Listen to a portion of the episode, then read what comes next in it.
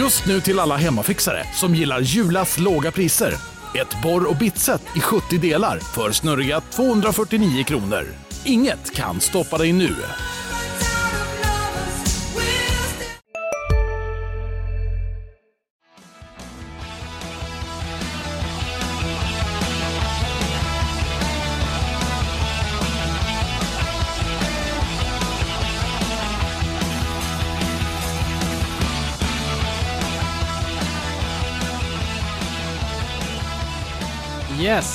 Har eh, några dagar kvar till en seriepremiär av Hockeyallsvenskan. Det är dags för eh, den här säsongen att äntligen sparka igång och eh, eh, SSK börjar med hemmamatch mot Väsby. Vi ska eh, ta en liten kik här på förutsättningar, lagdelar, alltihopa.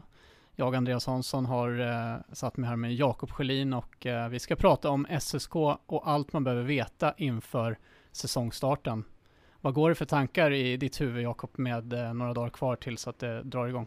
Det ska bli kul att sätta ihop en eh, podd här och i form av lite av en uppesittarkväll. Eh, ett liknande format som vi har haft här de tidigare åren fast då i, i tv-form. Eh, det känns ju lite märkligt på något sätt ändå att det är en säsong runt hörnet. Det blir ju, eh, vi kommer ju komma in på det, ingen, ingen premiär som vi har sett någonsin tidigare utan det kommer vara en relativt tom arena och det kommer nog kännas konstigt. Eh, säsongspremiären är ju annars en riktig höjdpunkt som man ringer in på kalendern och eh, bara det här att det fortfarande är lite halv sommar i luften och eh, folk går till arenan och träffas första gången där på en riktig match. Och den där ritualen finns ju inte nu så det, det känns lite, lite dubbelt. Men kul att det Eh, det bör bli riktiga matcher och något som liknar en vardag ändå. Mm. Ja, vi får se hur mycket publik det blir på läktarna eh, inledningsvis, men eh, ni som lyssnar, ni är varmt välkomna hit då till det här åttonde avsnittet av eh, Sportklubben. Det har eh, dragit ut lite på tiden att få ut det här avsnittet, men eh, nu är vi i alla fall eh, igång. Vi måste ju få ut ett avsnitt innan säsongen börjar, det har vi ju känt och vi hoppas ju såklart att man ska få se publiken, alltså ni som lyssnar och ni som läser våra artiklar, att, ni ska få, att vi ska få se er på läktarna också. För vi som har varit nu på träningar i ett halvår känns det som, eh, riktigt så är det ju inte, men flera månader har vi suttit i en öde Scanarinken. Eh, vi kan väl båda skriva under på att man saknar publiken. Ja, så är det ju. Det blir en annan typ av idrottsupplevelse utan eh, publik. Um, så, men framförallt så tror jag att alla saknar någon form av normalitet nu och vi börjar ju komma till en punkt där det blir riktigt kritiskt för idrottsrörelsen att kunna fungera i sin nuvarande form framöver. Mm. Så eh, det är, det är må många värden på spel eh, den här vintern. Vi börjar med det som eh, är det allra hetaste i nyhetsväg, det som de flesta snackar om och det är ju det här beskedet då, eller vad man ska kalla det, från regeringen eh, som kom här för några dagar sedan, som handlar då om att eh, man siktar på att eh, höja gränsen då, den tillåtna gränsen för publik på sportevenemang till 500 åskådare. Eh, och eh, det här har ju vi diskuterat både utanför, ja, utanför podd och eh, privat Jakob. Vi eh, konstaterar att det är ju så att man får inte ropa hej förrän man är över bäcken i det här fallet, eller hur? Nej, precis. Eh, jag tycker att det är många som hoppade till förhastade slutsatser och senast här nu inför första oktober och i princip räknade med att det skulle bli spel med publik. Eh, det kändes som att Hockey-Sverige och Idrotts-Sverige överlag verkligen hade ringat in första oktober och trott på mer än 500 pers på läktarna.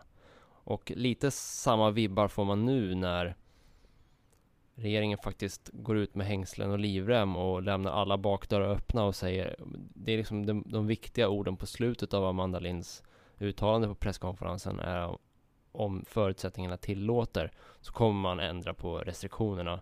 Eh, och det är ju det allt handlar om just nu. Hur utvecklar sig smittspridningen de närmaste två veckorna?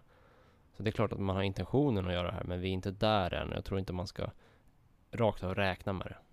Men, eh, men de säger i alla fall att de avser att ta det här beslutet. Så att man får väl utgå från att om ingen, alltså om inte utvecklingen förändras drastiskt så kommer de ändå att höja den här gränsen. Men, men då ska vi, ja, 500 åskådare, det är ju inte några tusen, det är eh, ingenting som kommer att förändra klubbens ekonomi eller det ekonomiska läget för någon klubb egentligen. Ja, möjligtvis kanske för de som drar tusen pers på normalt sett, men de kommer inte få in de här 500, utan det är ju alltså en gräns de har tänkt sig på, eller ett avstånd på en meter mellan varje åskådare, eh, om man ska hårdra det. Och eh, det blir ju väldigt olika från klubb till klubb vad det här kommer innebära och eh, i SSKs fall så eh, räddar det ju inte ekonomin totalt sett, eh, utan man behöver ha andra saker, andra, andra pengar som kommer in. Mm. Eh, men 500 eh, åskådare, tror att det kan bli någon, eh, att det kan märkas och höras på matcherna, att det kan bli en bättre stämning och att det kan påverka matcherna på något sätt? Det blir ju bättre stämning än om det är 50 personer där, men samtidigt ska man ju veta att 500 personer i Scaniarinken är ju försvinnande lite. Det är väldigt lite. Om, om man kan det är svårt att jämföra så kanske, men de matcher man har sett där det har varit 1 och 5 eller, eller mindre så är det ju ganska tyst. Eh, men man kan ju tänka sig att de som faktiskt får gå på match nu eh, kanske kan vara lite mer entusiastiska och så, men eh, det är klart att det kommer vara väldigt annorlunda. Nu är det ju ett första steg mot någon slags normalitet, så på så sätt så är det ju bra om det kan fungera. Jag blir lite jag blir lite sådär bekymrad. Jag förstår att idrottsklubbar är eh, pressade och att man måste hitta kreativa sätt att eh, dra in mer pengar och överleva den här krisen.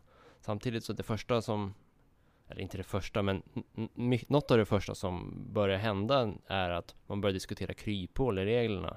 Hur många får man ta in? Kan vi ta in mer om vi kallar det här för en restaurang? Eller, mm. eh, jag vet inte, det är lite som Tycker du att det är konstigt att man försöker att tänja på reglerna? Jag tycker det skickar motstridiga signaler när man samtidigt försöker liksom säga att vi kan verkligen ta ansvar och sköta det här på ett bra sätt. Uh, jag tror ju att det är klubbarna själva som anser att de kan utifrån de förutsättningar som de har hålla en, alltså en, en, ett avstånd och en säkerhet. Man kan släppa in på flera olika håll och man kan begränsa hur folk får röra sig mellan olika delar av arenan och så vidare och att man tycker att den här gränsen borde kunna gälla bara i den här delen av arenan och bara i den här delen av arenan. Alltså jag förstår att man vill försöka, liksom eh, Växjö gjorde till exempel och släppte in folk i logerna som de på något sätt lyckades få att inte räknas till det totala åskådarantalet. Eh, ja, jag kan förstå och se logiken i det. Och jag är väl på den sidan i den här debatten där man där jag tycker att det är ologiskt att det är exakt samma tak på alla arenor i hela landet. Och i samma del av, ja, i, i alla delar av landet också. Så alla arenor, alla delar. Alltså de fick ju frågan om, om det, regeringen också, om inte det här är ett Stockholmsproblem lite grann. Med eh, hur kollektivtrafiken fungerar och hur folk tar sig till arenan och så vidare. Jag kan köpa det lite grann. Jag kan förstå att klubbarna är lite irriterade och eh, tycker att man borde vara mer flexibla. Mm. Ja, det är klart att det är ju viss inkonsekvens i det. Det går ju att få in otroligt många fler människor på Malmö FFs fotbollsstadion än vad det gör i Täljehallen till mm. exempel. Uh, men jag undrar om hur komplicerat ett sånt regelverk skulle kunna bli. Men uh, att bara säga en procentsats rakt av, ja, det låter kanske enkelt, men har, tar man då hänsyn till hur det ser ut på olika arenor?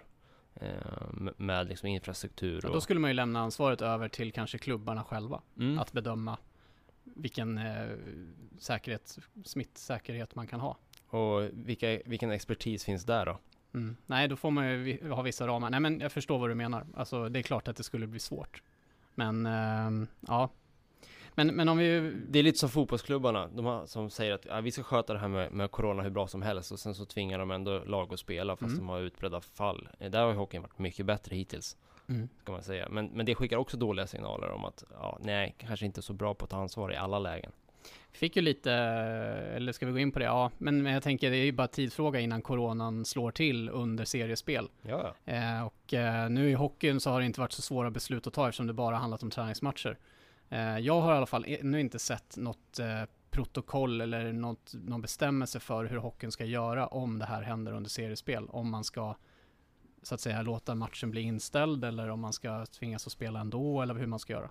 Jag vet inte, har du hört någonting? Nej, det var ju aviserat att de skulle komma med sådana riktlinjer inför seriestart, så det, mm. klockan börjar ju klämta där. Och det vore bra om det finns på plats så att det inte är en sån lösning som, som där, det värsta som kan hända är ju att man har en lösning när ett lag drabbas i oktober och en annan lösning när nästa lag drabbas i december. Eh, då kan man ju hamna i situationer där man kan verkligen diskutera sportlig rättvisa och så vidare. Alltså det här känns ju som ett ämne som är väldigt tråkigt egentligen att prata om för att man skulle helst vilja prata om sportsliga förutsättningar och vara riktigt jäkla laddad liksom inför en seriepremiär. Men, men det är ändå som, läget är som det är och vill ändå liksom eh, ta upp det som en faktor här för att SHL har dragit igång och där såg man att eh, hemmaplansfördelen kanske inte var likt, riktigt lika stor längre som tidigare. Eh, tror du att det här är en faktor som, som spelar in att, att eh, hemmalaget har inte den här uppbackningen av, av eh, supportrar som man brukar ha och inte kan få samma tryck i arenan och medgång liksom? Ja, och jag tror framförallt att det handlar om eh, domarna. Det finns många studier som visar på att eh, hemmaplansfördel handlar egentligen om eh, att domsluten oftare går i hemmalagets favör. Och det kan ju såklart bero på till exempel att publiken sätter press på, på en domarkvartett. Eh, de är också människor. Mm. Och eh, den pressen kommer ju inte domarna ha på sig. Och det, då skulle man ju kunna teoretisera om att det kan göra att hemmaplansfördelen försvinner. Eh, jag tror att det faktiskt har sett ut så till exempel i NBA-bubblan nu, att det har inte synts någon hemmaplansfördel på samma mm. sätt. Vet inte hur det varit i Premier League, men... Eh, Där spelar de i och för sig i princip på ett neutralt plan då, alla lag, så att uh, ja, det är lite skillnad i jo. sig också, men ja, det kanske ändå går att jämföra, ja. Ja, nej men, uh, men vi ska ju såklart komma in på det sportsliga och uh, vi har några dagar kvar då till premiären. Vi har spelat nu, eller haft en försäsong som har pågått väldigt länge känns det som. och nu drar det då igång. och om man tittar på SSK då, om vi, vi tänker till här kring hur eh, laget har förändrats sedan den förra säsongen. Och eh, det har ju hänt en hel del i truppen. Eh, det har det gjort. Inte kanske så mycket som det har gjort vissa säsonger, men eh, det har ändå hänt ganska mycket. Eh, vilka känner du Jakob är liksom de eh, viktigaste pusselbitarna som har bytts ut och eh, ersatts? Den här diskussionen kompliceras ju lite av korttidslånen. För du hade på något sätt en trupp som byggdes först och sen så har den förändrats lite nu och kommer vara så under en viss tid. Eh, riktigt hur lång tid får vi väl se beroende på vad som händer med de nordamerikanska ligorna. Du behöver lite betänketid. Jag ja. kan ta och eh, dra alla, lag, alla, alla nyförvärven då för dig och för alla som lyssnar också. De som har kommit in det är alltså Emil Alba från Västervik, det är Emil Aronsson, en center från AIK. Jakob Dahlström från AIK känner vi ju väl till sedan tidigare. Anton Heikkinen, 15 mål gjorde han i Kristianstad förra säsongen, fick sitt genombrott. Eh, Henrik Malmström, defensiv back från Västervik. Eh, Simon Andersson, junior från Modo, kanske inte kommer synas så mycket, inte hittills i alla fall.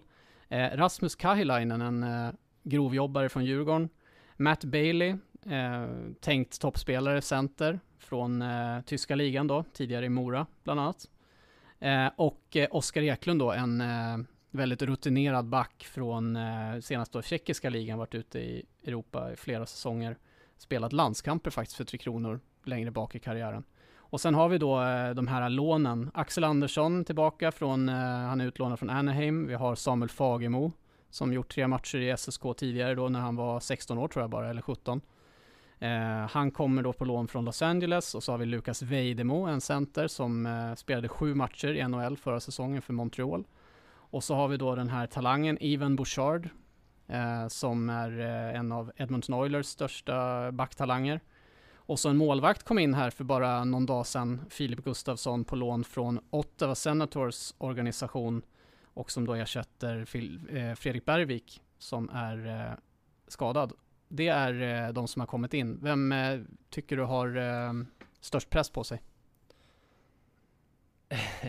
ja, alltså, nu bytte jag fråga. ja, jag har suttit här och funderat på liksom vad de viktigaste grejerna var som Samuelsson har förändrat. Eh, Ta det istället då. Ja, men vi kan återkomma till det där med störst press. Eh, jo, en viktig del som han har gjort eh, är att på forwardsidan så har man försökt bygga dels ett större djup eh, och man har försökt få in alltså, hårt jobbande karaktärsspelare har han pratat om hela mm. tiden. Um, och det är väl lite som en Jakob Dahlström personifierad till exempel. Mm. Eh, det kommer inte vara no någon finess och massa toe drags där, utan eh, han kommer slita och åka skridskor och kämpa på isen. Eh, och man har ju pratat om att man vill bli ett svårare lag att besegra. Det har varit lite så ibland eh, tidigare, att när det väl har rasat så har det rasat. Och då kan det vara liksom, ja, gå snabbt att tappa en match. Och där vill man bort lite ifrån, att när man väl Mm. förlorar så ska de andra laget ha gjort en bra prestation och inte så att man har gett bort matcher. Eh, och det är en tydlig skillnad, att jag tycker att laget har blivit djupare på forwardsidan. Eh, mycket bättre fjärde kedja än förra säsongen till exempel. Mm. Och jag tror att i längden så kommer det där ge fler poäng. Eh, samt, och sen har man gjort en del förändringar på spetsen, även om vi då pratar innan NHL-värvningarna. Eh, att släppa Kristoffer Liljevall och eh, ta in Matt Bailey som man får se som en ganska rak ersättare. Mm. Det är ju Absolut. ett, ett visst chanstagande. Eh, så vi får se hur det, hur det betalar sig. Liljevall kan ju ha bra säsonger kvar i sig. Mm. Och det vill nog till att SSK får, får ett bra år av Matt Bailey. Han behövs i det här lagbygget. Och, men jag tycker ändå att det var en chansning värd att göra. För precis som SSK behövde förbättra djupet så behövde man också förbättra spetsen lite. Och vi har ju sett att Liljevall kan vara en väldigt bra center och göra sina lag- lagkamrater ännu bättre. Mm. Men på något sätt så har det ändå inte riktigt räckt för SSK. Så jag förstår att man ville förändra något. Backsidan har man också jobbat om en hel del. Eh, av, av nöd tvunget då Vilsby och Berg var lån. Eh, men också förändrat en del annat. Så att eh, Där Det- får man ju säga att det alltså Oskar Eklund, eller förlåt, von Sivers kommer ju in och eh, alltså ska ju inte bara ersätta någon utan tillföra ganska mycket. Känns Mm. som att han också kommer göra det sett vad man har sett Mm. hittills då på i träningsmatcherna. det känns som en klassvärvning. Verkligen som en klassvärvning. Eh, men sen så är det ju, eh, får man säga att eh, Ivan Bouchard ersätter på något sätt, eh, och Axel Andersson förstås, två lån, de, de ersätter Vilsby och Berg lite grann. Jag tror att, eh, jag har i alla fall fått känslan att det är spelare som är lite så plug and play för tillfället. Att man egentligen inte var färdig med att sätta ihop eh, hur man skulle se ut på blå linjen. Men nu så får man ett par månader och kan avvakta lite hur marknaden eh, artar sig. Dessutom så är ju Axel Andersson en spelare som ska vara här hela säsongen om han inte platsar i NHL. Och på, på det sättet så tycker jag att det är en kanonvärvning. För att eh, chansen att han platsar är kanske Alltså det är inte så sannolikt möjligtvis. Eh, de har bra backar i Anaheim. Mm. Ehm, så får SK behålla honom hela säsongen så blir det jättespännande att följa hans utveckling i Hockeyallsvenskan. de spelare som har lämnat, det är ju faktiskt eh, inte så många som jag känner är tongivande. Det det är de som har lämnat är ju Filip Ahl och förstås Sebastian Bengtsson, som nu kommer tillbaka med Väsby här på fredag. Eh, David Berg, Gustav Lindberg, eh, Kristoffer Liljevall, Filip Pilö, Emil Lind, Anton Blomberg och Martin Janholz är de som har gått ut. Och eh, ja, du var ju inne på Liljevall och eh, det är väl han och Bengtsson som är de tunga, förutom då Filip Ahl som inte var här så värst länge, men Eh, alltså de som har kommit in, det är ju ett ganska spretigt, eh, eller inte spretigt ska jag inte säga, men, men det är ju väldigt blandat vad det är för några. Det är ju spelare som är på väg upp i karriären, det är lite mer rutinerade, det är lite talang som till exempel Anton Heikkinen eh, och Kailainen för den delen. Eh, olika spelare i olika faser av sin karriär kan man ju säga. Och eh, än så länge så har vi ju fått se att det verkar svårt att få ihop det här också till enheter som ska fungera. Och du var ju inne på Liljevall, alltså de har ju inte lyckats med tanken att sätta Bailey ihop med Olesen och Blomstrand och nu på premiären så kommer ju antagligen Olesen och Blomstrand inte ens spela i samma kedja Nej. faktiskt. Och det är möjligt att det, det kanske är så att det inte, att man kan inte låsa sig vid de här idéerna att de, de och de spelarna ska spela ihop. Man, det funkar en säsong, så kanske det inte är det bästa för pusslet nästa. Så att eh, på sätt och vis gillar jag att man inte håller fast vid något som uppenbarligen ändå inte har klickat riktigt än. Ehm, Blomstrand har ju varit borta en hel del under försäsongen. Det har ju inte varit positivt. Eh, Nico Olesen har inte heller sett ut att vara i superform. Eh, så att det är ju spelare som SSK kommer behöva mycket av den här säsongen igen. Mm. För att här- den här kalkylen ska gå ihop. Eh, så att, eh, ja, det är samma egentligen. Du frågade vilka som har mest press på sig. Jag tycker att det är ju... Matt de- Bailey kanske? Ja, i, kort, i det längre perspektivet absolut. Men i det kortare perspektivet så är det NHL-lånen. Mm. Ja, de, måste, de måste liksom, de har inte tid att ta en månad på sig och, och komma igång utan de måste prestera direkt för det är nu som de är här. Vad var annars för poäng med att röra om i, i hierarkierna? Mm. Så att eh, liksom Fagemo, Vejdemo, Bouchard, de här måste liksom göra sitt nu. För det är då, bara här, nu de är här. Om vi stannar till lite med dem då innan vi går in på lagdelarna och diskuterar dem mer ingående. Men, men vad har vi sett av de här NHL-lånen så här långt? Eh, jag menar, hur, vad är det för prestationer vi har fått? Alla har ju inte varit med så jättemycket på försäsongen hittills. Weidemo har väl spelat två matcher tror jag. Bouchard en match. Eh, ja, de övriga, Filip Gustafsson har inte ens debuterat såklart, men eh, ja, det är ju eh, Fagemo och Axel Andersson som varit här längst. Mm. Vad har vi sett från dem hittills? Inte särskilt mycket skulle jag säga i alla fall. De eh, känns lite att de inte riktigt är på samma, i samma del av försäsongen som de andra kanske. Dels det, men de har ju för sig tränat ganska länge. Eh, Axel Andersson tycker jag ser, som alltså, man minns honom, lite äldre, lite mognare, eh, lite mera självklar ibland i sina ageranden. Så här följsam, bra skridskoåkning, bra passningsspelare. Man skulle ju vilja önska att han gick in och tog för sig ännu mer. Ännu mer. Ja, var lite mer chef på isen. Eh, det är fortfarande lite så här, han är lite försiktig ibland liksom. Har absolut alla färdigheter för att vara mycket mer tongivande i sin femma. Mm. Eh, men det tror jag han kan hitta i år. Och det är väl lite därför han ska vara här också, Mm. Tänker man, jag. man ska ju inte dra för stora växlar av försäsongen. Det måste vi ju komma ihåg. Även när det är dåligt Ja. så måste man komma ihåg att, att eh, det brukar vara ganska stor skillnad. Vi såg det med HV71 i SHL också nu här. De var bäst på försäsongen i hela serien. Nu har de tre raka torskar när de har inlett. Så att det kan verkligen svänga otroligt mycket. Sen Fagemo har ju visat sin eh, briljanta individuella nivå vid ett antal tillfällen. Eh, han bara har liksom blixtrat till och gjort eh, fantastiska grejer med pucken. Och det någonstans räcker för mig för att liksom se vad det är för spelare. Det handlar bara om att hitta en omgivning där han hittar kemi med någon. Mm. Eh, hittar man rätt center där så då kommer han göra många mål under de här, vad det nu blir, 15-ish matcherna han spelar i SSK. Vi går in på och snackar lite om, eh, vi börjar med målvaktssidan. Eh, och där har det ju hänt en hel del då. Alexander Salin är ju kvar. Fredrik Bergvik såg väldigt vass ut eh, i de första träningsmatcherna och blev sedan skadad. Och nu har då Filip Gustafsson kommit in eh, som eh, i drygt två år har spelat då i farmarligan AHL. Ingen NHL-debut för honom där i Ottawa. Eh, och det verkar inte direkt ha varit nära heller. Eh, men eh, ser vass ut på de första träningarna i alla fall som man har sett. Det är svårt att säga mer än så kanske just nu. Men vad säger vi om målvaktssidan egentligen? Eh, där Alexander Salin har, måste man säga, varit svajig i träningsmatcherna. Ja, jo, precis. Eh, och, och honom hade det varit extremt mycket press på om man inte hade tagit in en till målvakt. Mm. Eh, så på så jag tycker att det här är egentligen ett perfekt scenario att förstärka målvaktssidan. Särskilt som Bergvik eh, kommer vara borta runt 10 veckor från att han skadade sig. Eh, Just det.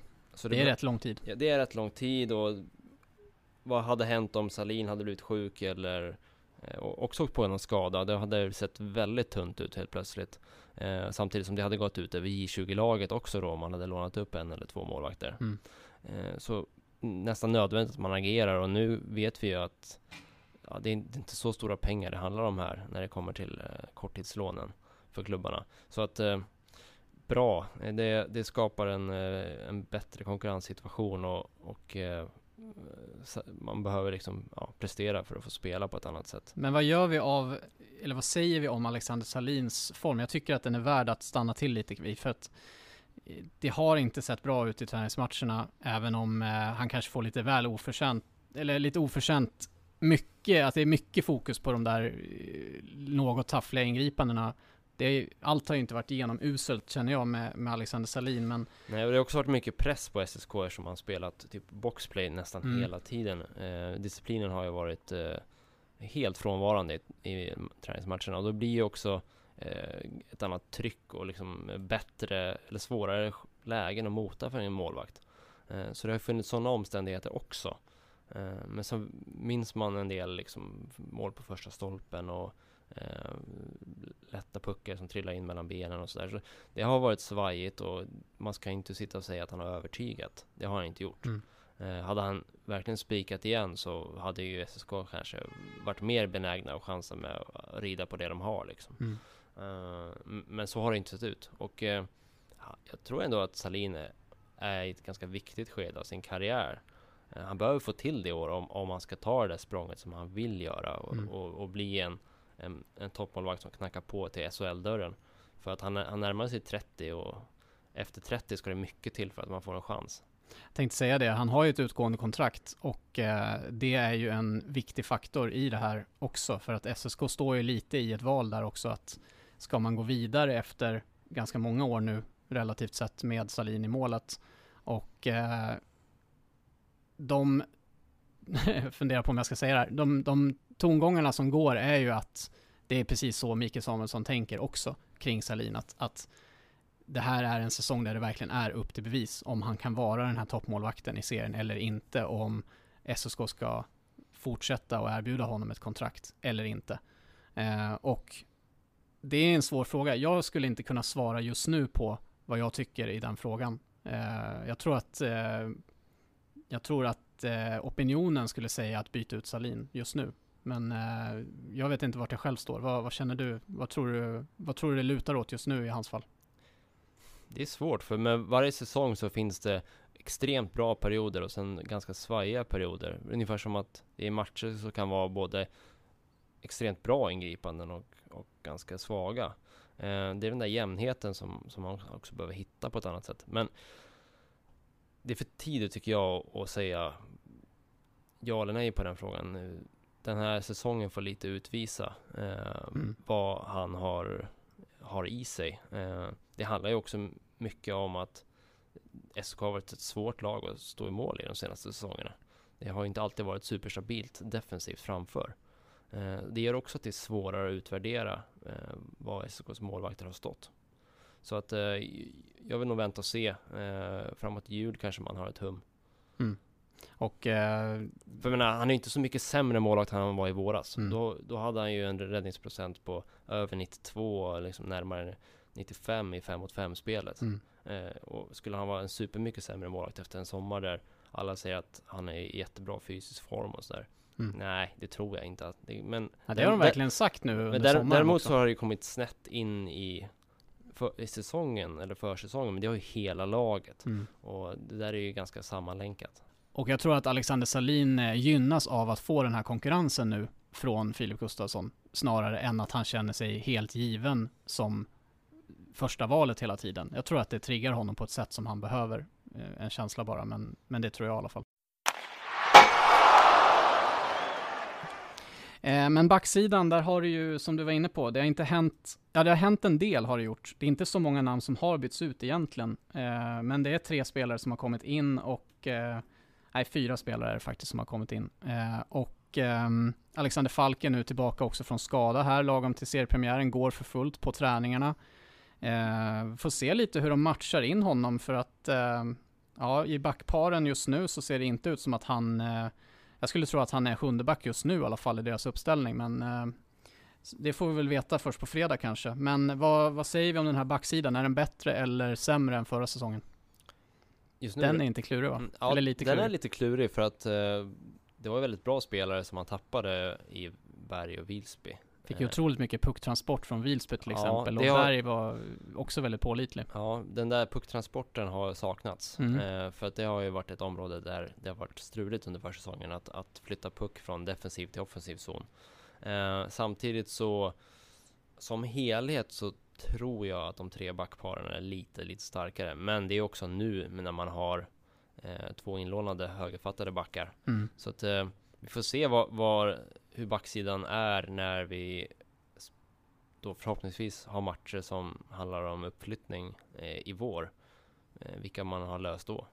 Vi har ju pratat om eh, att de inte har hittat rätt i kedjorna och det kommer vi in på när vi pratar forwards också. Men även bland backparen faktiskt nu så har de ju förändrat från att de i flera träningsmatcher hade samma backpar hela tiden och blev mer och mer samspelta så har de ju faktiskt nu bara de sista veckorna före premiären tvingats, eller ja, mer eller mindre tvingats göra om för att Ivan Bouchard kom in och eh, då valde man att, att sära på Andreas Hjelm och Oskar von Sivers. Eh, och nu får von Sivers spela med Bobo Pettersson istället. Och Hjelm ska då hjälpa Bouchard in i det, sve det svenska europeiska spelet på stor is. Um, och det är bara ett backpar nu som är intakt då, sen tidigare Axel Andersson och Henrik Malmström som håller ihop fortfarande. Jag är ju, eh, ja, jag funderar lite grann på om von Sivers och Hjelm, i alla fall just nu, kanske dras ner lite grann i spelet av att de måste ta mycket ansvar över Bouchard och, eh, och Bobo Pettersson i varsitt backpar. Att de inte kan liksom riktigt eh, jag tycker inte att von Sivers har sett lika dominant ut i de senaste träningsmatcherna som han har varit tidigare när han spelat med hjälm. Eh, det är en känsla som jag får och som jag hoppas att jag har fel kring. Men, eh, men jag tror att det kan vara en faktor. I alla fall så måste, har de ju förändrat backparen här kort före premiären. Absolut. För mig var det ganska väntat att de skulle splittra på dem. Mm. Eh, Just för att Dennis Bosic har varit så pass tydlig med att han vill ha högerfattade backar på högersidan. Och Bouchard skulle spela i ett av de två första backparen. Och då, då blir det på något sätt naturligt att, att göra så. Eh, alternativet hade ju varit att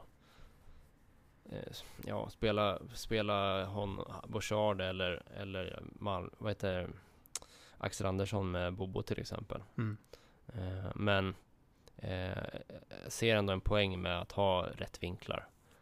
Sen är frågan om man spelar man Bobo och Malmström till exempel som är tre, då blir det ju ett rent defensivt par. Det är också ett alternativ förstås, eller eh, blanda in Alexander Falk i, i den mixen. Eh, det beror lite på vad man vill ha ut av backparen. Men liksom med kedjorna så känns det som att man har försökt jämna ut det så mycket som möjligt. Mm.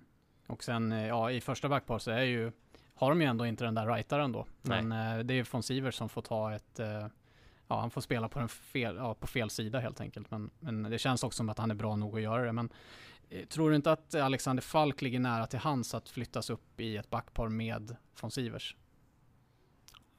Ja, kanske. Eh, På något sätt känns det som att det är bara fyra backar som är helt spikade i den här uppställningen. Mm. Eh, och sen är det Malmström, Bobo Pettersson och Falk som konkurrerar om tre platser.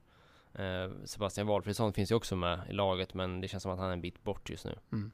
Jag håller med. Ja, nej men, ehm, ja, nej men det, jag vet inte vad man ska göra den här backsidan. Det har inte sett så jättepositivt ut, men eh, man kan ju också tänka sig att en sån som Ivan Bouchard kommer igång allt eftersom och visar mer och mer av sin klass. Eh, jag tycker inte han har stuckit ut jättemycket på träningarna och han gjorde det inte i den första träningsmatchen heller, även om man ser ibland att han har kvalitet i sig. Eh, något mer du vill säga om backarna? Vi går vidare annars. Forwardsidan eh, är ju desto mer under förändring då kan man säga. Det har kommit in ja, flera nya centrar. Just nu är de tre nya centrar.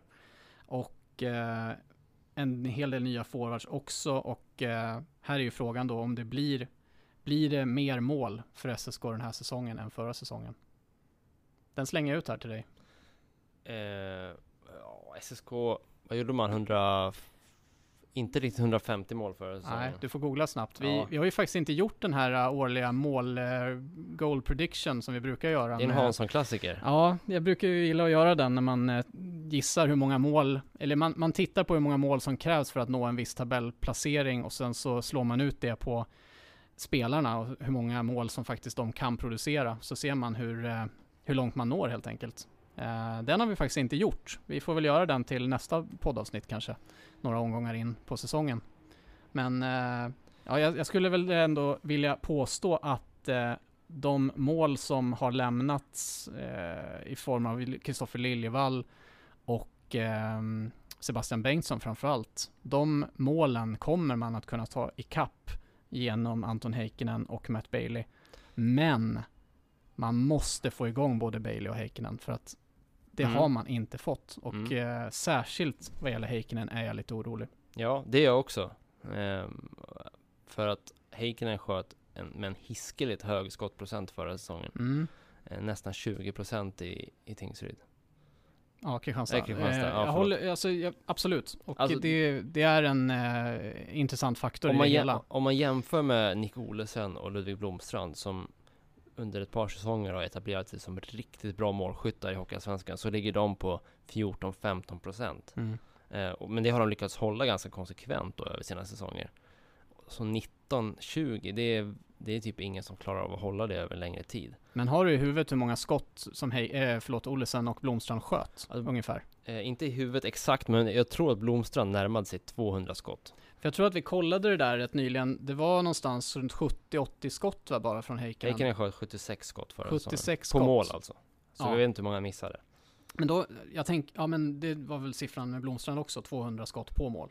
Eh, ja precis, vi Blomstrand hade 179 skott och Olesen hade 169 skott. Ja. Så det är nästan 100 skott mer på båda Så har du ett lag som eh, i SSKs fall kommer mycket, mycket mer till avslut och är mycket mer spelförande än vad till exempel Kristianstad var förra säsongen. Vilket jag kan tycka är logiskt att då har du inte en forward som Heikkinen som kommer till lika mycket skott eh, som en SSK-spelare kan göra. Det är svårt, jag tror inte någon i Kristianstad lär ha kommit upp i samma siffror som eh, Blomstrand och Olesen gjorde då. Nej. Och det kan ju vara så att när han väl kom till skott att det var tydligare lägen. Kontringar och så vidare. Ja men precis, alltså jag tror ju att Heikkinen har lite den spelstilen att han ska ja han är en sån som kanske inte skjuter jätteofta, han kommer inte till så många lägen men han, han viktar lägena väldigt mycket och de gångerna han kommer till skott så är det väldigt bra chanser. Jag tycker det är det som har varit den stora bristen i alla fall i, eh, ja, i det spel som han har visat upp och det spel som han har kunnat spela utifrån eh, ja, de kedjekamrater han har haft och han har kommit till helt fel lägen under hela försäsongen egentligen. Där han får eh, driva puck mer, han får ha pucken väldigt mycket och, och bli någon slags spelfördelare istället, vilket han inte ska vara. Utan han ska ju vara en spelare som nyper till bara och knappt har pucken egentligen i övriga anfallet. Eh, och där, där har man verkligen någonting att jobba med. Han har inte alls hittat rätt omgivning och de har verkligen pusslat runt och skickat runt honom i jag tror det är sju olika formationer han har spelat med hittills på försäsongen och det verkar inte som att det har klickat. Och eh, nu är det alltså Matt Bailey och Emil Alba han spelar med. Mm. Tillägg. Ja, nej, jag spelade inte Bailey med eh, Fagemo och eh, Förlåt, jag tittar faktiskt på en gammal, eh, du har helt rätt. Han spelar med eh, Emil Aronsson och Sista dagarna nu på vårens stora season sale. Passa på att göra sommarfint hemma, både inne och ute. Och fynda till fantastiska priser. Måndagen den 6 maj avslutar vi med Kvällsöppet i 21. Välkommen till Mio. Hej, Synoptik här. Visste du att solens UV-strålar kan vara skadliga och åldra dina ögon i förtid? Kom in till oss så hjälper vi dig att hitta rätt solglasögon som skyddar dina ögon. Välkommen till Synoptik. Kristoffer Bengtsson nu. Alltså Anton, He- Anton Heikkinen gör det. Korrekt. Ehm, men eh, någonting mer du vill säga om forwardsidan? Vi har varit inne på det, Bailey tror jag blir extremt viktig. Eh, måste fungera bra. Eh, och Nick Olesen, han var ju kanske den mest drivande spelaren i det här laget förra säsongen. Fick aldrig någon SHL-flytt, även om han var sugen på det. Och eh, han behöver också hitta den formen han hade i fjol. Eh, så pass central var han för allt det SSK skapade offensivt. Så han kommer behövas i år också. Eh, också lite nyfiken på vad som händer med Hugo Gustafsson. För att eh, när jag, jag kikade på det här med hur många mål som kan finnas i truppen och så och hur mycket eh, en del spelare kan utvecklas så eh, var ju Hugo en sån spelare som han gjorde redan förra säsongen 11 mål trots att han missade eh, nästan en fjär, dryg fjärdedel av säsongen när han var iväg på JVM och var lite skadad i början Mm. och sådär. Eh, utan att spela powerplay. Så där ser man ju att få, skulle han få mer offensiv istid så skulle han ju kunna ticka upp mot kanske 15 till 20 mål istället. Mm. Eh, men nu ser det inte ut att bli så. Nej. Så vad kommer det innebära för hans utveckling? Eh, och kommer han kunna ta st- några större kliv och inte bara liksom utvecklas i tvåvägsspel den här säsongen?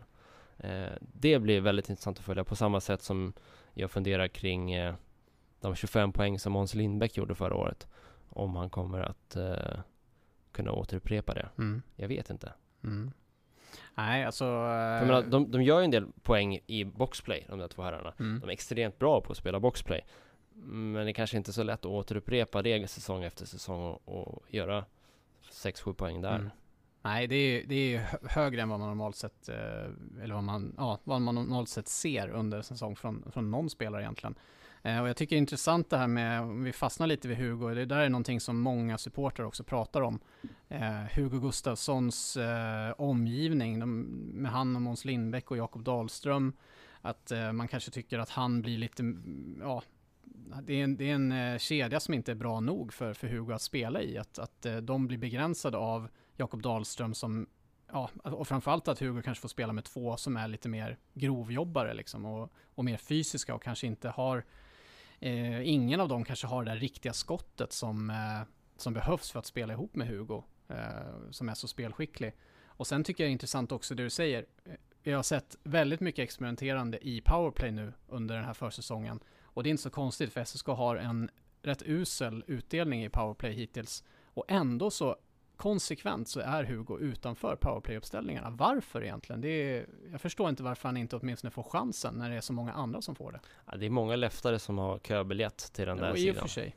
Men äh, ja, även när Kristoffer Bengtsson var borta från äh, powerplay, då har man ju till och med satt Anton Heikkinen där istället, som ju inte är en, en äh, speldirigent på det sättet. Nej, nej det är sant. Tycker att det är lite märkligt faktiskt. Och köper du det här som många är inne på att Hugo får spela med två grovjobbare i Måns Lindbäck och Jakob Dahlström och att man borde hitta någon annan tredje länk där kanske till Måns och Hugo. Ja, i någon utsträckning så gör jag det. Eh, jag hade gärna sett till exempel Kristoffer Bengtsson där. Mm. Eh, Bengtsson och Hugo hade hyfsad kemi under eh, de få matcher de fick spela ihop förra säsongen.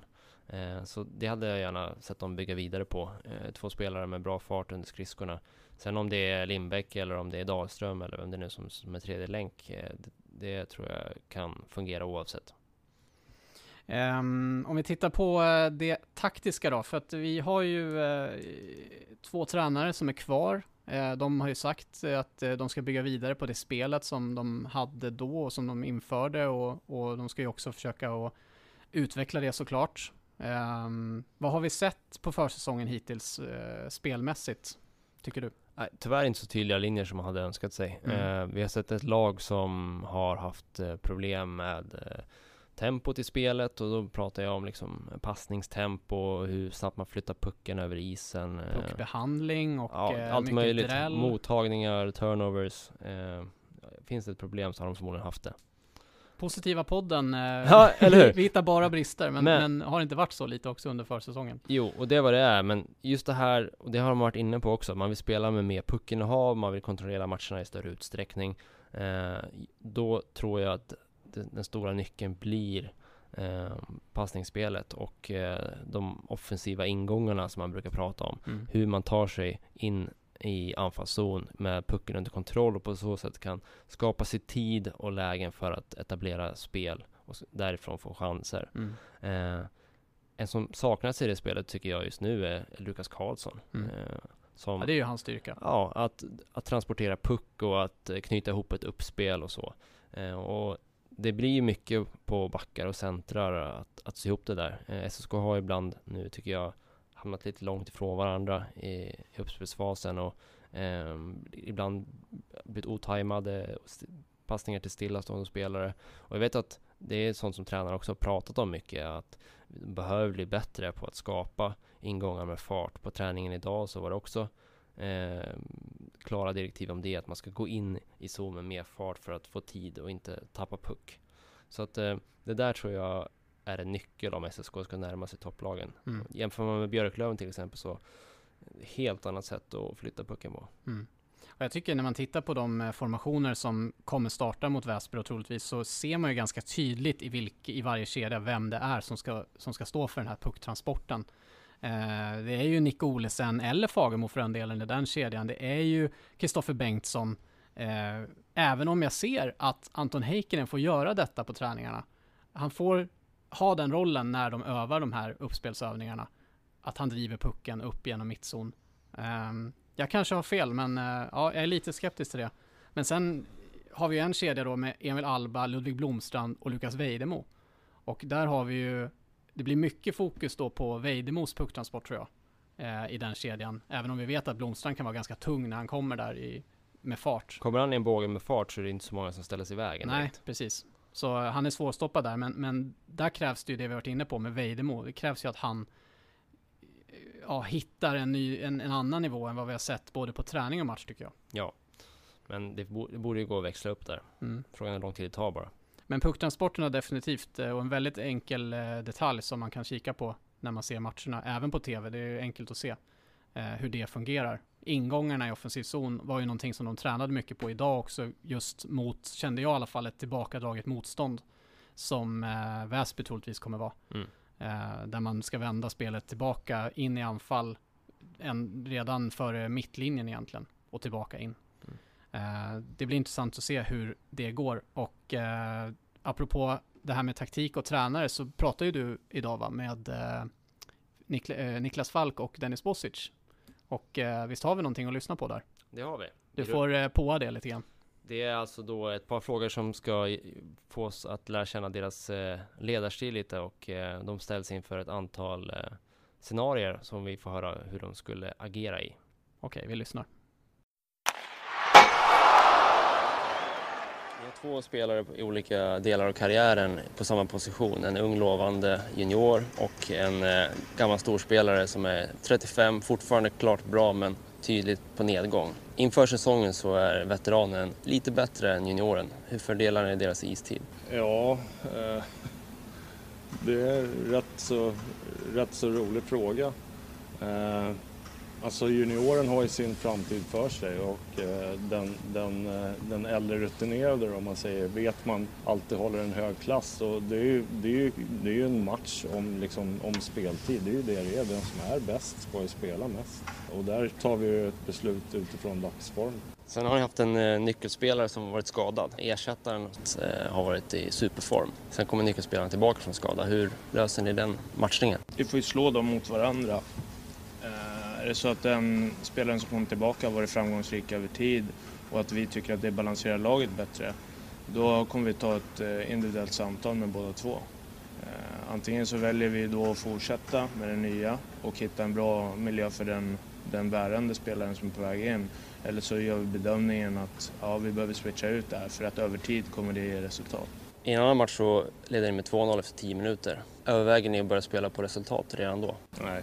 Att spela på resultat, eh, det, vad, vad är det? Är det att backa hem eller? Det är ju någonting som vi, vi vill ju spela på det sättet som vi ska med, med mycket puckinnehav och vi tror någonstans att vårt sätt att spela är med hög fart och blir vi passiva och försiktiga och det gäller inte bara oss utan det gäller, gäller alla lag så blir det ofta att man hamnar lite på hälarna så vi försöker uppmuntra killarna och, för, och fortsätta att gå så länge, så, så länge orken finns. Ni hamnar i ett underläge i match med 3-0 inför tredje. Hur tidigt börjar, börjar ni fundera på att ni ska kanske ta ut målvakten? Ja, 3-0, då behövs det det behövs ju lite tid såklart. Så att, eh, men där be- behöver man ju göra en, en värdering av hur matchbilden ser ut. Beroende på det så, men man behöver ju lite tid för att, eller lite tid, det behöver ju, det behöver få in en första puck till att börja med. Och, Eh, sen om man ska chansa med målvakt, rycka målvakt alldeles för tidigt så det blir 4-0, det, det, det beror ju lite på hur, hur flytet i matchen är, eh, vad, man har, vad man har för känslor. Men för att kunna ge det någon form av,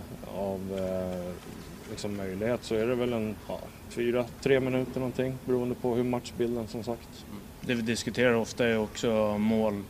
Måldifferensen i serien kan ju vara viktig också framöver, så det är ofta en parameter som vi är med också i det.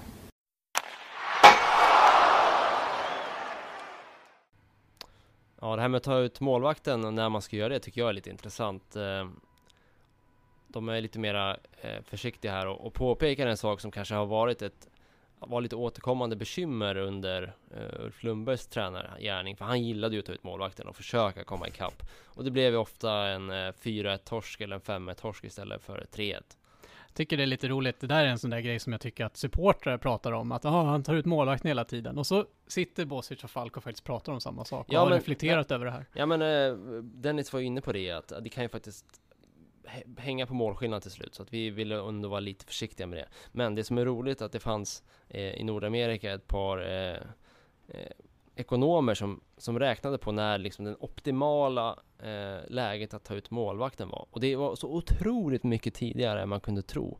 Om man låg under med ett mål så var, var det optimala att man skulle ta ut en, en fiska i minnet här, men att det var typ med 11 minuter kvar av tredje perioden.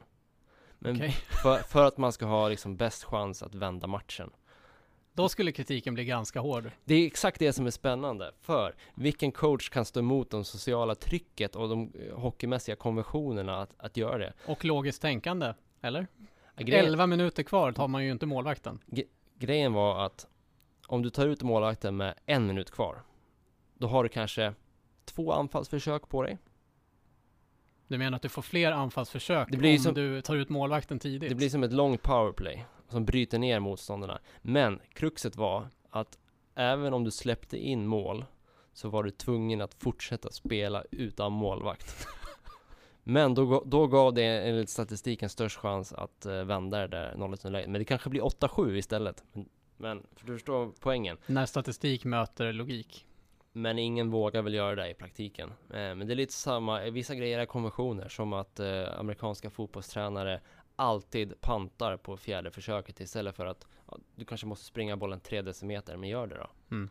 Ja. Eh, och så kom det en college coach som alltid, alltid sprang på fjärde och det, de gjorde hur bra resultat som helst. Mm. Men då var det överraskningsmomentet istället. Eller bara att de bröt mot det liksom uppfattade sanningen att man måste göra så här i det läget. Blir Väsby chockade om SSK plockar målvakten med 11 minuter kvar?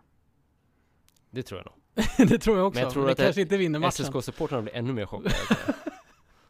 det tror jag också. Ja, shit. Nej, det hoppas vi att, eh, eller ja, hoppas att Falco Bosic slipper plocka målvakten Ja. helt och hållet. På tal om chock, har du något eh, chockerande i ditt tabelltips? Bra övergång. Vi eh, har ju faktiskt satt ihop ett tabelltips. Jag tyckte att det var lite kul. Vi är ju rätt så överens och eh, men inte överallt. Och det, eh, mer glädjer mig. Det är mer chockerande än mitt tabelltips, tror jag. Ja, kanske. Vad, det- vad var svårast? Eh, som vanligt att tippa tabellen. Eh, nej, du vet vad jag tycker om sådana här eh, Du hatar att gymnastiska saker. övningar. Därför att, och i år är det så mer än någonsin. Det kommer vara inte bara två olika lag som börjar och avslutar säsongen utan det kommer förmodligen vara ett antal versioner av lag Mm. däremellan. Ja. ja, vem vet vad som händer i januari, februari före till exempel transferfönstret stänger. Det, det är det jag menar. Och med kanske ligor som inte ens har kommit igång. Mm. Det är många lag som har fem inlånade spelare nu liksom. De kommer se förmodligen väldigt annorlunda ut redan vid jul. Mm. Och förmodligen ännu mer annorlunda vid i februari, mars om vi har en säsong som är på gång då. Mm. Och tänk om eh, Hockeyallsvenskan den 15 november när de ska ta ett nytt beslut om det här med NHL-lån och, och restriktioner kring det. Om de bestämmer sig för att, men släpp det fritt. Alla som kan signa för resten av säsongen, det är bara att köra. Mm. Ja, då kommer vi få, eh, ja, kaos kommer det bli Vi, spelare in. vi pratade om det i en podd som tyvärr eh, inte kom ut men eh, vi hoppas kunna ha med Johan Myrberg som gäst eh, vid ett senare tillfälle ganska snart. Eh, att det skulle ju kunna teoretiskt kunna bli så att man kan leasa ut istid. Mm. För att det är den enda liksom, hårdvaran som finns i hockeyvärlden. Det finns x antal minuter på, i matcherna. Och om ho- hockeyklubbarna borta i Nordamerika vill att sina talanger ska spela och utvecklas, ja då måste de ha, kanske ha istid i Europa. Och om man då kan sälja till eh, högstbjudande så eh, kan man ju skapa en intäktsström till. Hur sjukt vore det inte om klubbarna i Hockeyallsvenskan räddar sin ekonomi genom att hyra ut istid till NHL-klubbar? Jag skulle bli imponerande av den höga kreativiteten. Ja, det känns ändå som att det finns en viss logik där i det Ja. resonemanget. Ja. Eh, men eh, vi har ju gjort som sagt ett tabelltips. Detta finns ju eh, ute fredag morgon tror jag på lt.se Hockeypuls. Eh, men eh, om vi ska gå igenom, vi ska inte gå igenom lag för lag, det orkar vi nog inte. Men eh, vi kan gå igenom lite grann eh, skillnaderna mellan våra tips. För vi är ganska så överens Mm. om eh, vart vi står. Eh, vi har ju såklart Björklöven och Timrå högt upp i tabellen. Vi är ganska överens om att Västerås eh, och, mm, inte Modo, men AIK är relativt högt uppe också. Vi har dem båda före SSK i tabellen. Det kan vi fastna lite grann kring strax, men vi har Modo längre ner än jag tror de flesta eh, i sina tabelltips. Ehm, och vi har ju såklart eh, en trio i botten då som består av typ Almtuna, Kristianstad, eh, ja kanske Tingsryd då, men framförallt Väsby då Ja. i botten. Ehm, det är inte så konstigt i sig. Det som skiljer sig mycket mellan dig, ditt och mitt tips är ju dels Vita Hästen. Ja. Där jag tror på flopp och du tror på, eh, ja, succé får man säga, en femteplats. Måste dra till med något kul. Och trots allt så var de väl femma förra säsongen. Eh, Det var de kanske. Så eh, Ja, det stämmer nog ja. Ja, men eh, det finns ju vissa grejer som gör att det där känns eh, högst skakigt. Dels har de eh, bytt ut stora delar av truppen. tappat kulturbärare som Marcus Eriksson och Jesper Samuelsson är långtidsskadad, missar hela Mm. året. Eh, Istvan Bartalis är inte kvar. De fick eh, Linus Andersson som blev en supermålskytt från typ ingenstans Mm. förra säsongen. En jättebonus för, för en trupp. Eh, de har tappat bra backar som Jens Hellgren och eh, ja, Tror inte att han var så jättepoppis alltså i Vita Hästen Ah, okej. ändå. Men Men eh, Fernholm var väl rätt stabil? Fernholm var stabil och Ja. Spångberg också. Ja, så att de har ju tappat spelare. Tycker ändå de har värvat ganska intressant och nu har de ju jättebra värvningar för en period. Alltså Marcus Sörensen skulle ju kunna konkurrera med Dahlén som är en av de bättre i ligan. Mm. Eh, får se hur länge de blir kvar och framförallt hur Vita Hästen agerar därefter. Men det som gör att jag chansar lite på att de kan bli ett skrällgäng i år var att jag är imponerad av det tränarjobb som Tony Saber gjorde. Och eh, förra säsongen med det material man hade då så satte man ihop ett, ett spel som var, bortsett från topptrion då med Modo, Björklöven, Timrå, så var det det bästa 5 mot 5 laget i serien. Mm. Så att jag tror det finns rätt mycket att bygga vidare på där. Eh, bara ur det perspektivet. Mm. Nej, och det hänger ju på, jag, jag, jag ser ju eh, att det kan bli succé för Vita Hästen, absolut. De har en målvakt som verkar vä- väldigt intressant eh, och eh, några finska spelare till, eh, framförallt en center, eh, Toppi Nettinen heter han. Låter otroligt finskt att säga Toppi Nettinen. Men eh, hur som helst så eh, har han ju varit med i finska ligan eh, länge och gjort det bra där. Så att det verkar som en väldigt meriterad värvning också. Eh, ja, vi får väl se. Jag, jag ser ju att det är väldigt, väldigt många nya spelare. Eh, vi ska inte fastna vid Vita Hästen allt för länge. det är det ganska många lag. Så det är sant.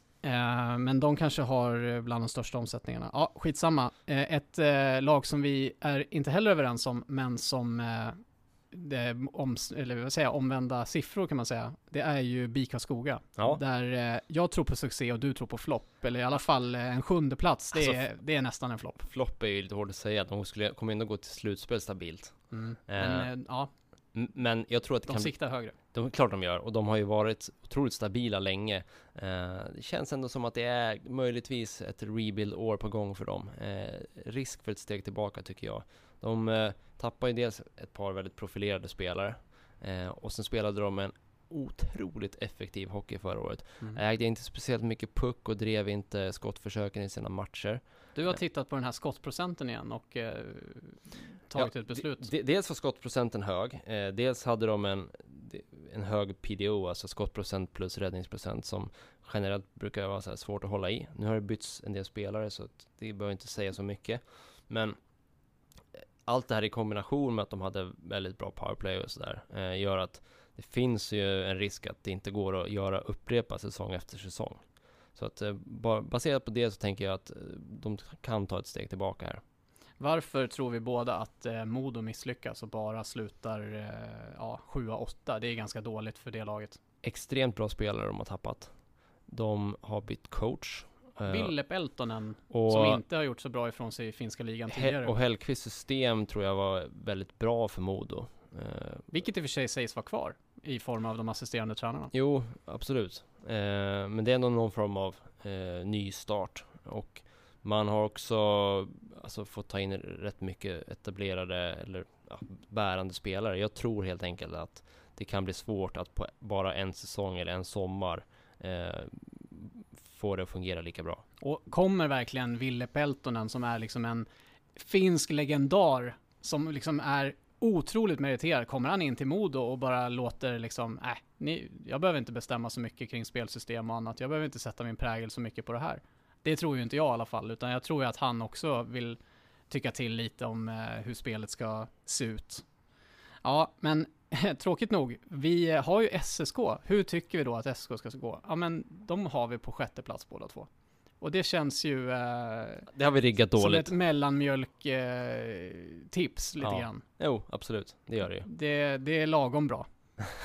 Nej men det är, det är ett, ett, ett vettigt logiskt eh, tips som varken sticker ut åt det ena eller andra hållet. Och eh, det har ju inte att göra med att vi är fega eller någonting. Vi har ju faktiskt sågat SSK eh, så sent som förra sommaren vid den här tiden, eller året vid den här tiden, så eh, trodde vi att det skulle gå dåligt. Mm. Vilket det också gjorde då, Mm. till en början. Eh, men sexa, vad, vad tänker du kring SSK och en sjätteplats? Lite som jag var inne på, jag tycker att de har ett bättre djup, eh, borde vara lite stabilare eh, och ta något fler poäng i längden. Men att eh, det inte kommer vara så mycket sexigare än ett mittenlag. Mm. Nej, jag, jag förlitar mig helt på att eh, Falko Bosic är så pass, eh, att de har fått någonting som, som funkar här och att det är en, den här högre kravbilden som eh, ska hjälpa till att, eh, att ja, höja kvaliteten helt enkelt.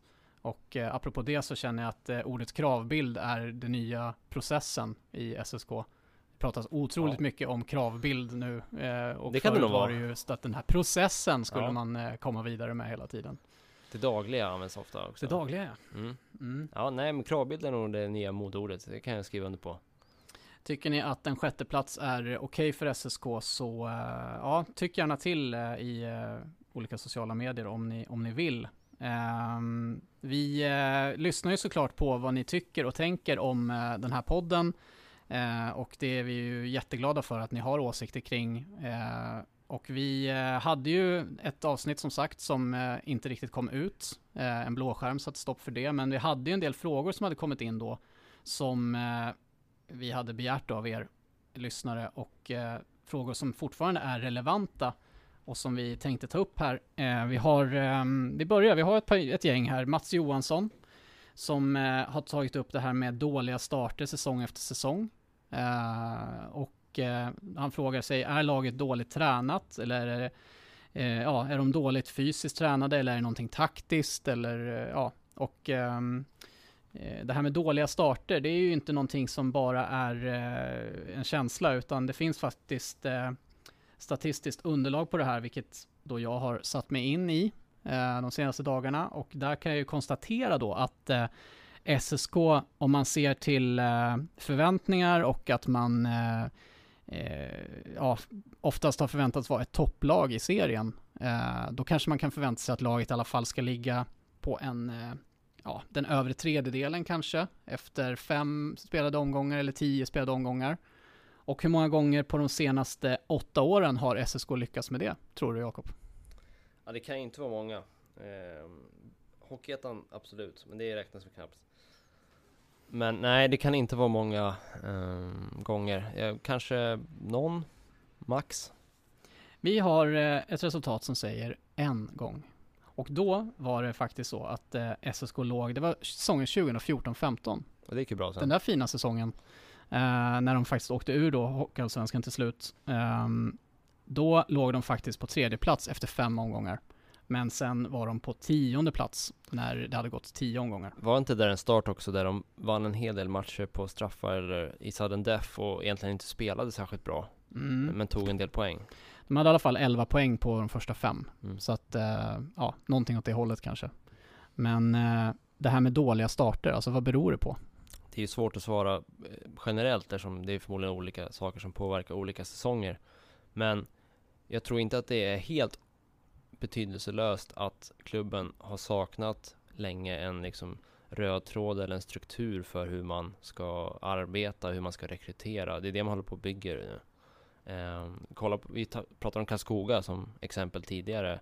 Hur de har haft kontinuitet och är det sju av de åtta senaste åren som de var topp fem i Mm. serien. Ja. Eh, de har ett inarbetat sätt att arbeta, att scouta, att rekrytera på och vet vilka roller de plockar in spelare till. Det där tror jag inte alls är oviktigt. Eh, att SSK har haft eh, olika coacher med olika spelsystem och sen har man haft eh, olika former av eh, rekryteringskonstellationer, sportchefer, sportråd, klubbdirektör, nu sportchef igen. Så det har blivit en miss- mischmasch av olika liksom stilar och strategier och så som inte är optimalt för att få ihop ett lagbygge. Och det är ju, starterna handlar ju mycket om det, om hur, hur färdigt laget är och hur sp- spelklart det är när säsongen börjar. På det sättet har kanske SSK mer kontinuitet nu än på rätt så många år faktiskt. Eh, Ja. Och ett lag som man kan tänka sig faktiskt bör ligga i toppen. Både och, för den här säsongen har ju också försäsongen blivit upphackad när det har kommit in spelare pö om pö med de här lånen. Mm. Det, Ja. det stör ju också liksom eh, sammansmältningen inför seriestart. Men det är färre nyförvärv nu egentligen än, än eh, många säsonger tidigare. Ja. Det är jag rätt säker på. Jo, men det är väl ändå sen 10-11 typ. Mm. Ja, med NHL-lånen blir det ju det lånen faktiskt. mm. Mm. Och det, det, jag tror att det är mer sådana saker det handlar om än att de är dåligt tränade. Även om det ska sägas att klubben har laborerat rätt friskt med fystränare. Mm. Egentligen ända sedan Johan Strömvall var tränare. Mm. Så, har det, så har det kommit och gått fystränare. Så där har man ju uppenbarligen inte riktigt hittat en långsiktig lösning som man har trott på i mer än ett par år. Mm. Eh, Viktor Tavitsainen, han eh, frågar, eh, har vi rätt tränare för att leda detta lag? Kan ni komma på någon tränare i Micke Samuelssons smak? Eh, och det här har vi ju, vi har ju diskuterat tränarna. Det är ju en, eh, ja, liten opinion kanske på eh, Twitter som eh, tycker, eller i alla fall ifrågasätter tränarna nu efter den här svaga försäsongen. Det är bara hösttecken i Södertälje som vanligt. ja, ja, det kanske är så. Eh, nej, jag, jag tänker inte döma ut de här tränarna i alla fall just nu. Eh, rätt tränare, ja, det är ju en uh, Det var svårformulerad fråga, men vansinnigt förhastat. mm, Jag menar, fine om du var en sån person som i våras protesterade vilt när eh, SSK förlängde med coacherna. Då kanske du kan tycka så fortfarande. Men det var ganska få sådana personer som hördes och syntes. Mm. Så eh, tyckte man att det var rätt att ge dem for- förlängt förtroende för det arbetet som de gjorde förra säsongen, då är det ju lika rätt fortfarande. Men det är ändå försäsongsmatcher vi pratar om här. Och om någon annan tränare skulle vara aktuell, eh, vi visste ju att eh, de förde samtal med Martin Filander som sen hamnade i Oskarshamn. Eh, och eh, ja, det är i alla fall ett namn som eh, Micke Samuelsson nog eh, hade kunnat tänka sig. Ett annat namn som eh, de faktiskt hade på gång, som jag inte tror att vi har eh, skrivit om faktiskt någon gång. Men det är ju Staffan Lund i Bika Skoga som man också diskuterade och förde en dialog med. Ganska långt in i det sista innan de då bestämde sig, SK-styrelsen, för att köra på Falko Bosic. Då hade man kunnat ta med lite av den där framgångsfaktorn i BIK hit. Ja, kanske. Uh, svårt att säga vad Samuelsson egentligen vill ha för, alltså långsiktigt, vill ha för ledarskap. Nu verkar han ju trivas och jobba med, med, med tränare de har, men alltså, i alla fall den hockeyn han uh, förespråkar, då handlar det om någon tränare som är uh, possession offensivt inriktad. Uh, och som kan ja, egentligen bygga ett, ett, ett spel runt, runt passningar och, och puckinnehav. Men samtidigt så, jag vet inte, han har ju haft många olika ledare eh, genom åren och jag har för mig att han vid tillfälle har liksom pratat om att han tyckte Babcock var en bra ledare fast han hade en, har en ganska numera omodern ledarstil och sådär. Så jag vet inte riktigt och vad som är liksom den, en Samuelsson-tränare. Mm. Det får väl framtiden utvisa. Mm. Ja visst, är, Han, ju, han valde ju uppenbarligen eh, Falko Bosic för att han var nöjd. det är ju första året för, från start för Micke Samuelsson också Ja. som sportchef. Sen tror jag att det kommer vara ovanligt få eh, sparkade tränare i Hockeyallsvenskan i år. Mm. För- Ekonomi, eh, Ja, Jag, jag tror inte man kommer kunna prioritera att betala dubbla tränarlöner den här säsongen. Mm. Nej. Inte i någon större utsträckning, men sen är det klart att blir det superkris någonstans och man inte har stängt ligan som man pratar om, då kanske vissa till slut känner sig tvingade att göra det ändå. Skulle Ville Peltonen eller eh, Håkan Wallson, eh, nej förlåt Hans Wallson heter han, eh, skulle, han, skulle de floppa totalt med sina lag i Björklöven eller Modo, då kanske det kommer hända något i alla fall. Där finns ju i alla fall pengarna för att göra saker. Ja, vi får väl se hur långt säsongen har gått och hur, hur mycket föreningen har blött tills dess. Men skulle du vilja se en stängd Hockeyallsvenska? Nej, absolut inte. Jag vill inte se någon stängd liga överhuvudtaget. Även om det bara är liksom det nedre locket som man stänger? För Eh. det har ju pratats om att det ska gå, gå upp ändå. Ja, det måste i alla fall kunna gå upp.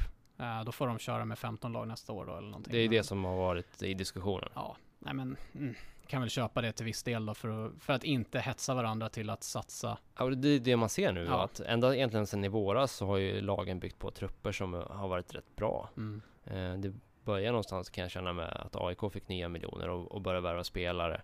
Och sen så har många klubbar värvat namnkunnigt. Under omständigheterna kan jag ändå köpa det, absolut. Eh, dessutom är det ju 10 av 14 lag som har chans att gå till slut, eller som går till slutspel. Mm. Så eh, ja, bottenstriden kanske inte blir alltför ointressant ändå. Eh, även om du tar bort risken att åka ur.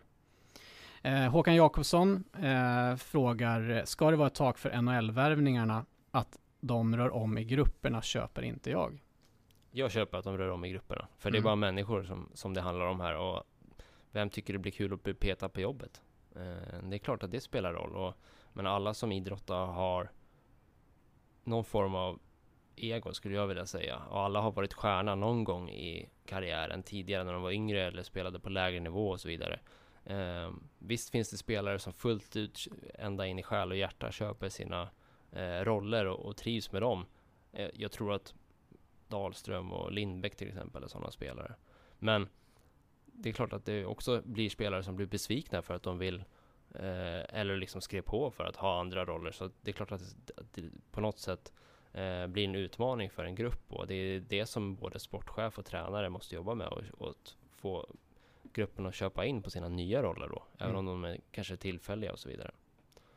Eh, men tak? Nej, alltså det måste ju vara upp till varje klubb att bädda sin egen säng här. Vad har vi råd med?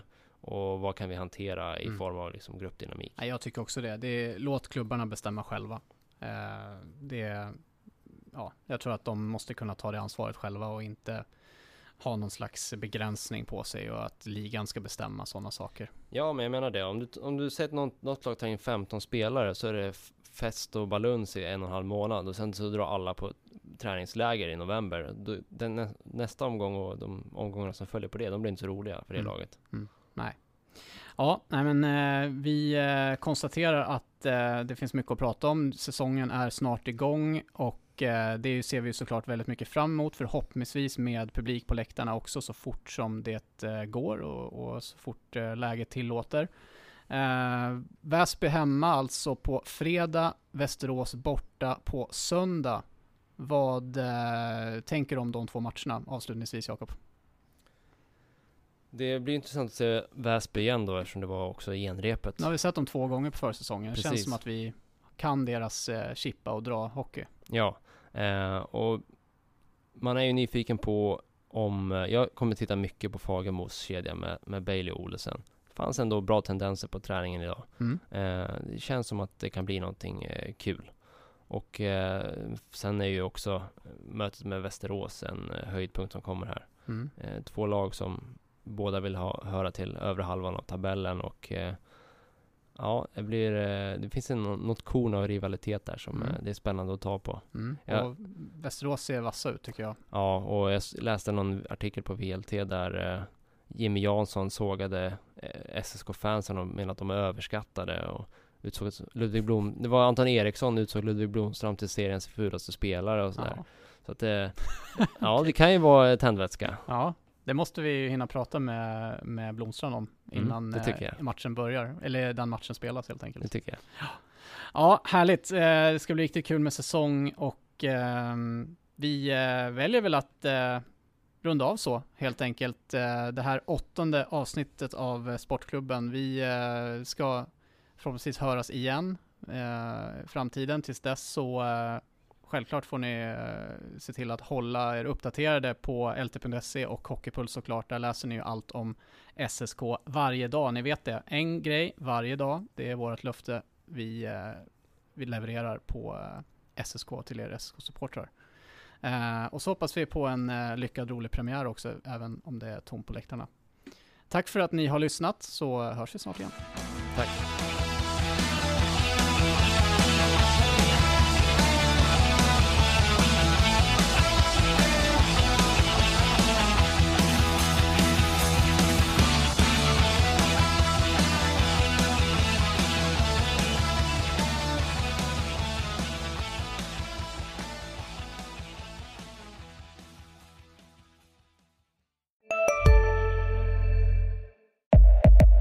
Upptäck hyllade XPeng G9 och P7 hos Bilia. Våra produktspecialister hjälper dig att hitta rätt modell för just dig. Boka din provkörning på bilia.se xpeng redan idag. Välkommen till Bilia, din specialist på XPeng. Nej. Dåliga vibrationer är att gå utan byxor till jobbet. Ah. Bra vibrationer är när du inser att mobilen är i bröstfickan alla abonnemang för 20 kronor i månaden i fyra månader. Vimla! Mobiloperatören med bra vibrationer.